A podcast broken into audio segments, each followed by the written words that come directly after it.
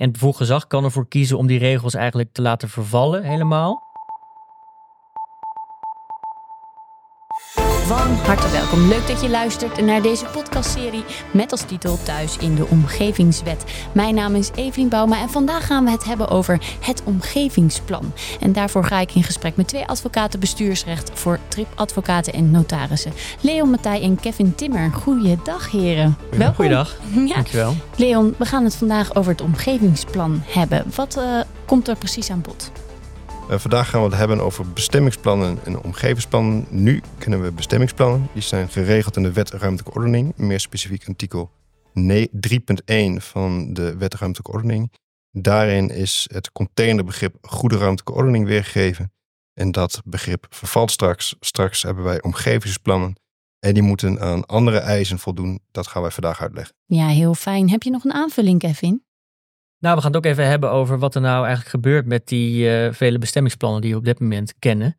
En hoe dat straks gaat van uh, de overgang eigenlijk van die bestemmingsplannen naar het omgevingsplan. Ja, onder de nieuwe omgevingswet. Dankjewel.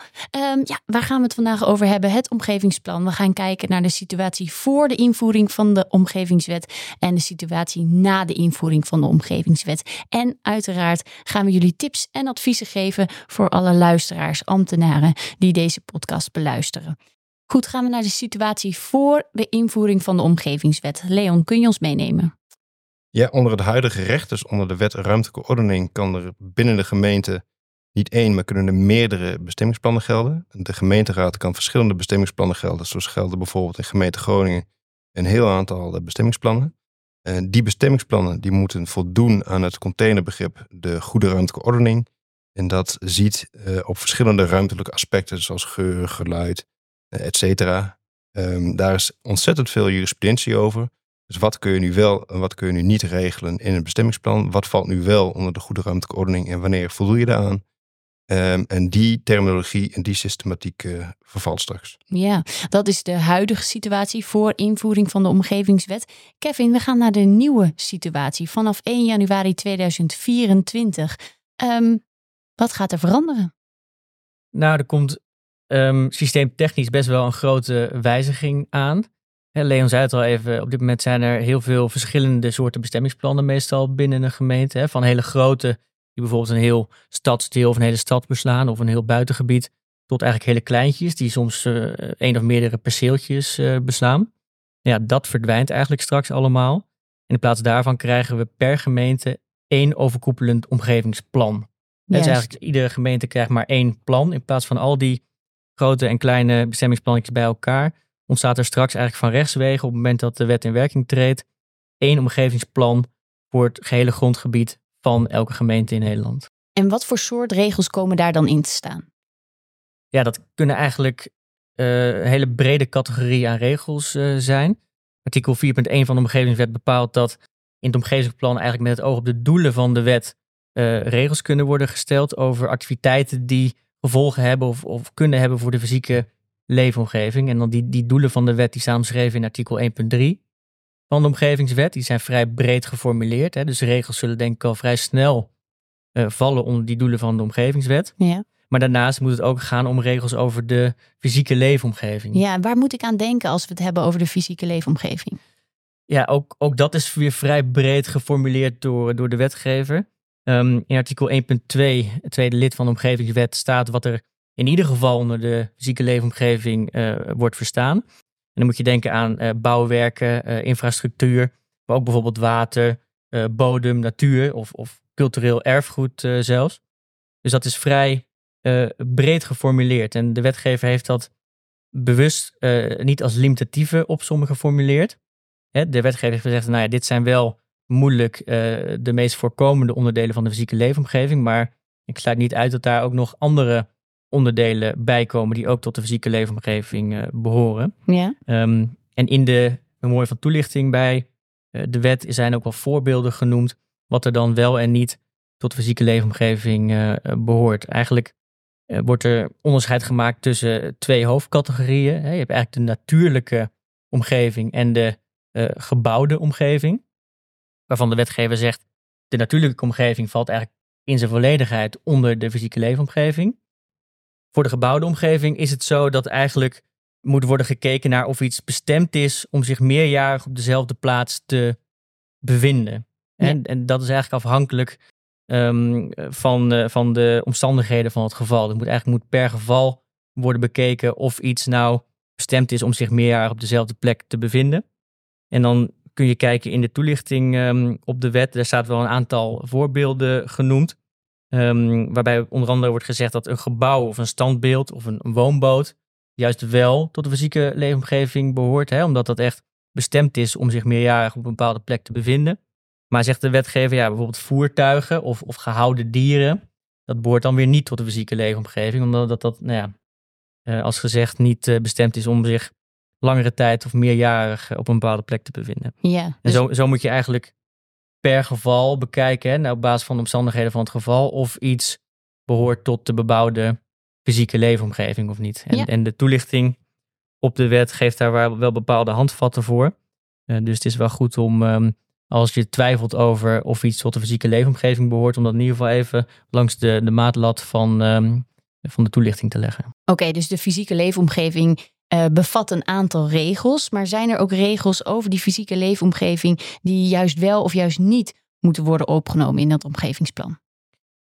Ja, dat, dat zou kunnen. Ehm, in ieder geval eh, bevat de omgevingswet wel een grondslag om eigenlijk bij een algemene maatregel van bestuur te bepalen dat bepaalde regels verplicht in het omgevingsplan moeten worden opgenomen. eh, of juist helemaal niet in het omgevingsplan mogen worden opgenomen. Artikel 2.7 van de omgevingswet voorziet eigenlijk in een grondslag om bij algemene maatregelen van bestuur eh, gevallen aan te wijzen waarin regels over de fysieke leefomgeving alleen in het omgevingsplan mogen worden opgenomen of juist niet in dat plan mogen worden opgenomen. En in dit geval is een mooi voorbeeld is eh, artikel 2.1 van het omgevingsbesluit.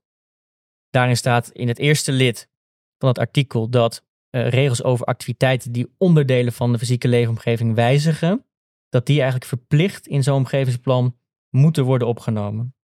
En als je het hebt over het wijzigen eh, van de fysieke leefomgeving, dan gaat het eigenlijk om direct fysieke ingrepen door de mens in de, in, in de tastbare leefomgeving. En dan moet je denken aan bijvoorbeeld bouwen of slopen of het kappen van een boom, maar ook het, bijvoorbeeld het ontsieren van een monument kan daaronder vallen of het eh, aanleggen van een, eh, van een weg of een uitweg. Juist, juist. Dus het eh, loont de moeite om daar even specifiek naar te kijken. Wat valt er wel en wat valt er niet onder? Wat is wel of niet verplicht? Ja, exact. Ja. exact. Hè, En, en dat gaat dan om dat gaat dan om het wijzigen van de fysieke leefomgeving. En dat wordt dan weer onderscheiden van het gebruiken van de fysieke leefomgeving. Als het gaat om gebruiken van de fysieke leefomgeving, dan is het niet verplicht om daarover regels op te nemen in het, in het omgevingsplan. Ehm, en ook daar is het advies om goed in de toelichting te kijken wat nou het onderscheid is tussen enerzijds het wijzigen van de fysieke leefomgeving en anderzijds het gebruiken van de, van de fysieke leefomgeving. En er worden ook wel weer mooi een aantal voorbeelden genoemd van gevallen die onder wijzigen vallen en gevallen die juist onder gebruiken vallen en waar dan dat onderscheid in zit. Kun je een kort voorbeeld noemen van het wijzigen en het gebruiken van die fysieke leefomgeving? Nou, als je het hebt over het gebruiken van de fysieke leefomgeving, dan gaat het bijvoorbeeld om het, om het maken van muziek hè, in de openbare ruimte of het, eh, of het plaatsen van terrasmeubilair. En dat zijn geen direct fysieke ingrepen ehm, door de mens in de leefomgeving. Hè, maar dat zijn, nou ja, eh, geen fysieke ingrepen als je muziek maakt in de buitenlucht. Mhm. Hè, dan is dat geen ingreep in de fysieke leefomgeving, maar dan gebruik je Juist. de ruimte in plaats van dat je echt een wijziging aanbrengt in die eh, fysieke leefomgeving. En hetzelfde geldt bijvoorbeeld voor het aanbieden van vuilnis in een, in een container. Ja, ook dat is geen wijziging, geen fysieke ingreep in de fysieke leefomgeving. Oké, er zit dus verschil tussen het wijzigen en het gebruiken van die fysieke leefomgeving en hoe dat wordt vertaald in het omgevingsplan. Eh, het wijzigen hebben we zojuist al even benoemd. Kun je een voorbeeld geven van het gebruik van die fysieke leefomgeving? Ehm, ja, dan moet je bijvoorbeeld denken aan, aan het maken van muziek in de openbare ruimte. Ehm, maar bijvoorbeeld ook het plaatsen van, van terrasmeubilair. Ehm, of het aanbieden van vuilnis in een, eh, in een container. En dan, dan heb je het dus niet over fysieke ingrepen die echt impact hebben op de fysieke leefomgeving. Nee, het is echt puur eh, het gebruik. Het gebruik. zegt het, woord al zegt het natuurlijk. het. Ehm, dan, eh, wie is er bevoegd om zo'n omgevingsplan vast te stellen? Ja, kijk, als we kijken naar hoe dat, hoe dat nu zit, dan is dat de gemeenteraad. Hè, en dat wijzigt op zichzelf niet, want ook na inwerking treden van de omgevingswet is de gemeenteraad het bevoegd gezag voor het vaststellen van, van het eh, omgevingsplan. Ehm, wat wel een wijziging is ten opzichte van het huidige recht, is dat uh, de gemeenteraad ook de bevoegdheid tot het vaststellen van delen van het omgevingsplan kan delegeren aan het college van burgemeester en wethouders. En dat hebben we op dit moment niet. Wel kennen we op dit moment uh, het figuur dat de gemeenteraad eigenlijk de bevoegdheid om het bestemmingsplan uit te werken of te wijzigen, hè, of om nadere regels te stellen, um, kan overdragen aan het college van, van BMW. Ja. Um, dat leidt in de huidige situatie eigenlijk tot een, de vaststelling van een afzonderlijk plan, een uitwerkingsplan of een wijzigingsplan. Mm -hmm. Dat figuur komt te vervallen, hè, dus we krijgen geen uh, wijzigingsplannen of uitwerkingsplannen meer of bevoegdheden tot vaststellen daartoe. Um, in plaats daarvan komt eigenlijk de bevoegdheid om delen van het omgevingsplan uh, vast te stellen of vast te laten stellen door het college. Hè? Ja. En de raad kan dan die bevoegdheid delegeren aan het college. Juist. En anders dan dat we nu hebben, leidt dat tot een wijziging van het omgevingsplan. Hè, dus er komt geen afzonderlijk plan. Dat wordt vastgesteld, maar het leidt tot een wijziging van het uh, alles overkoepelende omgevingsplan dat Ja, binnen de dat gemeente geldt. Ene plan wat we straks Ja, gaan hebben onder die omgevingswet. Um, en dat plan, Leon, hoe komt dat plan eruit te zien? Ja, er uh, zullen een aantal wijzigingen zijn voor wat betreft systematiek. Bestemmingsplannen die moeten nu dus voldoen aan de term goede ruimtelijke ordening en die vervalt. Omgevingsplannen moeten straks voldoen aan de evenwichtige toedeling van functies aan locaties. Dus onder andere ook terug te vinden in artikel 4.2 van de omgevingswet. Dat is een iets ruimere term dan uh, voorheen, dus ruimer dan de goede ruimtelijke ordening. Uh, deze term, die evenwichtige toedeling, gaat over het beschermen en het benutten van de fysieke leefomgeving als geheel, waar Kevin het net uh, over had. Ja. Die uh, oude, eigenlijk die goede oude, goede ruimtelijke ordening, waar we heel erg veel jurisprudentie over kennen, die gaat in zijn geheel op in een nieuw en uh, breder geformuleerde taak. Dan moet dat omgevingsplan ook aan een aantal regels voldoen. Wat zijn die regels? Uh, ja, dat klopt. Um, er zijn uh, straks instructieregels, instructies waar een, uh, de maker van het omgevingsplan aan moet voldoen. Dat zijn de instructieregels van de provincie, de instructieregels van het, van het Rijk. De instructieregels van het Rijk over omgevingsplannen, die staan in het uh, besluit kwaliteit leefomgeving in het BKL, meer specifiek in hoofdstuk 5. Daarin staat waarin het omgevingsplan moet voldoen. daar kom ik straks nog even op terug. Um, de provincie die heeft ook een aantal instructieregels en die kunnen we terugvinden in de omgevingsverordening van de, van de provincie. Ja. En aan wat voor instructieregels moet ik dan denken? De instructieregels van het Rijk die kunnen we onderverdelen in uh, drie typen instructies, drie soorten instructieregels. Dat heeft te maken met de wetgevingssystematiek. We hebben uh, de betrekken bij instructieregels, rekening houden met instructieregels en in acht nemen instructieregels. Die de, um, de type instructieregels is nou ja, bepalend voor hoeveel um, bestuurlijke afwegingsvrijheid bestaat. De betrekking bij instructieregels, de, dat betekent in het kader van een instructieregel dat een overheid aandacht schenkt aan feiten of verwachtingen van feiten. Dus die bestuurlijke afwegingsruimte is dan heel groot. Ja. De rekening houden met uh, instructieregels, dan is die afwegingsruimte wat kleiner. Die brengt de zwaarwegende positie van een bepaald belang bij de belangenafweging tot uitdrukking. Dus je moet een zwaar belang hechten aan die instructieregel zonder dat het dwingend wordt gestuurd op de uitkomst ervan. Een afwijken is alleen toegestaan als je daar als bestuursorgaan uh, goede redenen voor hebt. Dus dat Ja. moet je dan goed motiveren.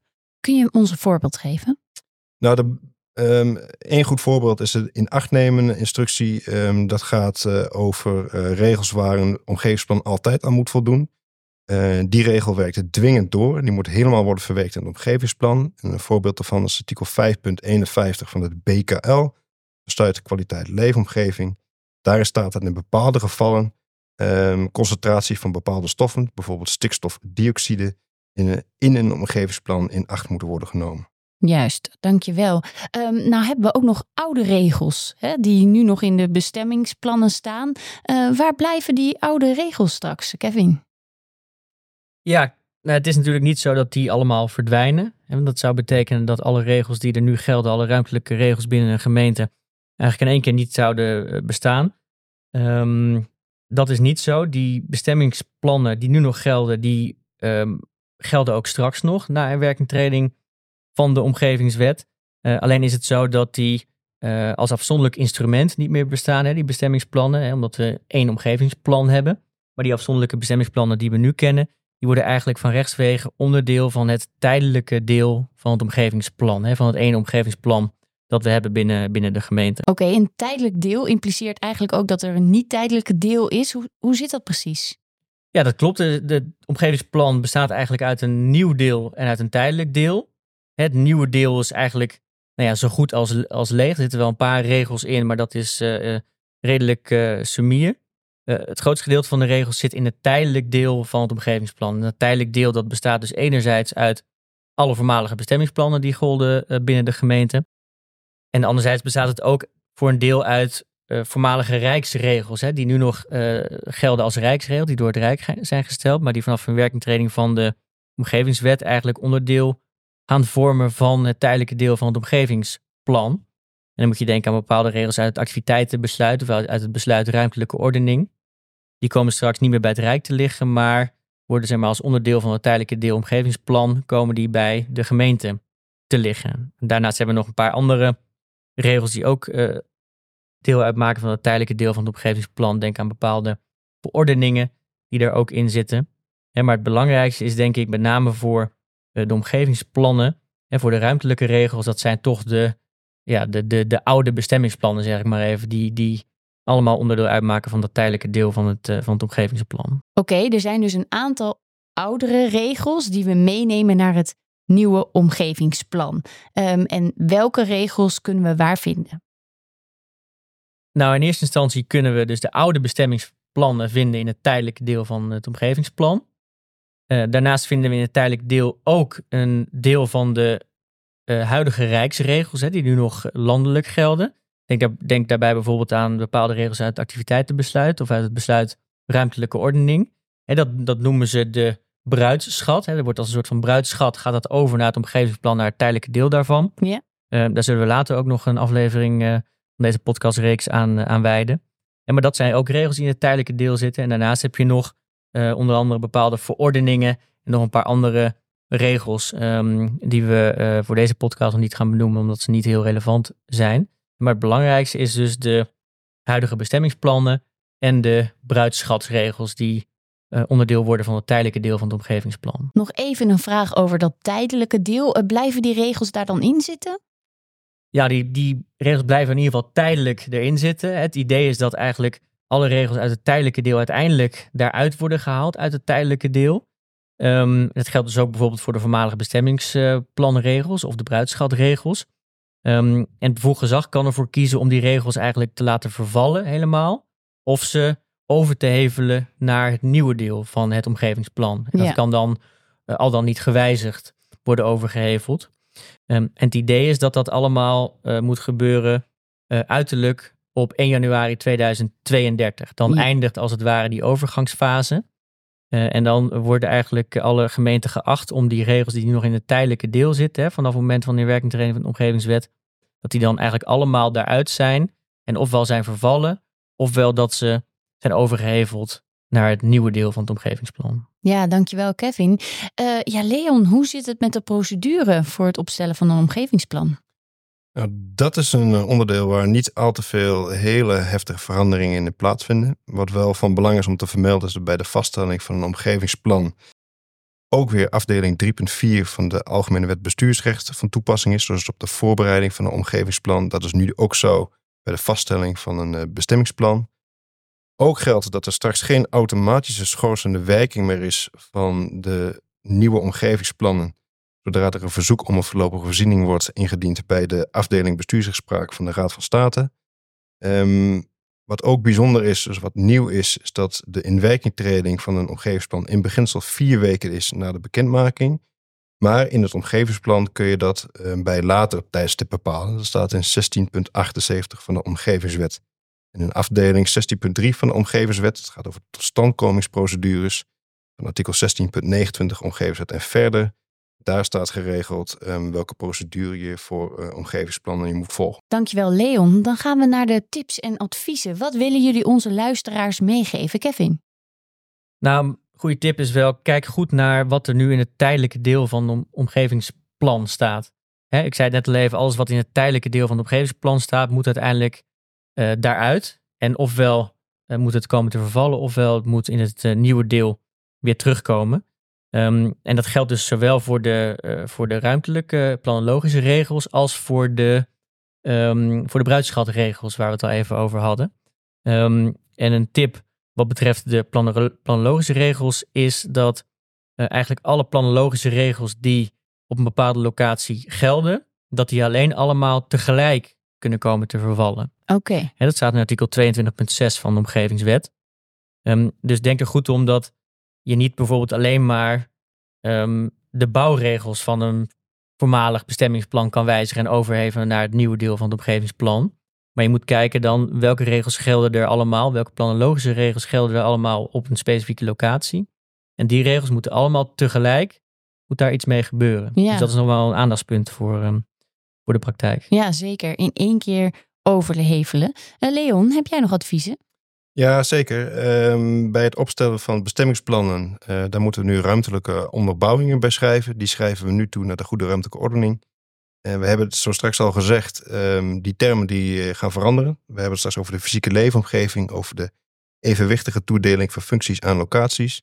Dus mijn advies is om de memorie van toelichting bij de wet te bekijken en zodra je uh, bezig gaat met het schrijven van besluiten en ruimtelijke motivering, om dicht bij de tekst van de motivering uh, te blijven van de wetgever, dus de memorie van toelichting te kijken, um, zodat je die nieuwe termen ook wat eigen maakt en uh, dat ook meer Raad van State proef schrijft. Ja. Um, wat ook wel een belangrijke tip is, is die schorsende werking waar we het net over hebben gehad. Um, dat is dus niet meer voor automatisch het geval. Straks als er een voorlopige voorziening wordt verzocht, is er geen sprake meer van een automatische schorsende werking. Ja, en tot slot, er is al wel wat jurisprudentie over uh, omgevingsplannen. Die heet alleen nog niet zo. Uh, nu doen we dat nog bestemmingsplannen met verbrede rijkwijde. Die mogelijkheid is uh, door de wetgever gegeven in de crisisherstelwet. Dat, die bestemmingsplannen lopen al wat vooruit op omgevingsplannen. En die jurisprudentie die blijft naar alle waarschijnlijkheid ook van toepassing op de omgevingsplannen zoals we die straks kennen. Bijvoorbeeld jurisprudentie over de normen, bijvoorbeeld open normen die je kunt opnemen in je omgevingsplan. Daar is al wat jurisprudentie over. En daar moet je straks ook zeker rekening mee houden als je omgevingsplannen eh, vaststelt. Ja, heel fijn. Dankjewel Leon. Jullie beiden bedankt voor jullie bijdrage. Heel veel succes met de vertaling van de omgevingswet in jullie praktijk. Jullie bedankt voor het luisteren. Wil je meer weten? Ga dan naar trip.nl slash omgevingswet en beluister daar ook alle andere afleveringen uit deze serie van Trip thuis in de omgevingswet. Mijn naam is Evelien Bouma en tot de volgende.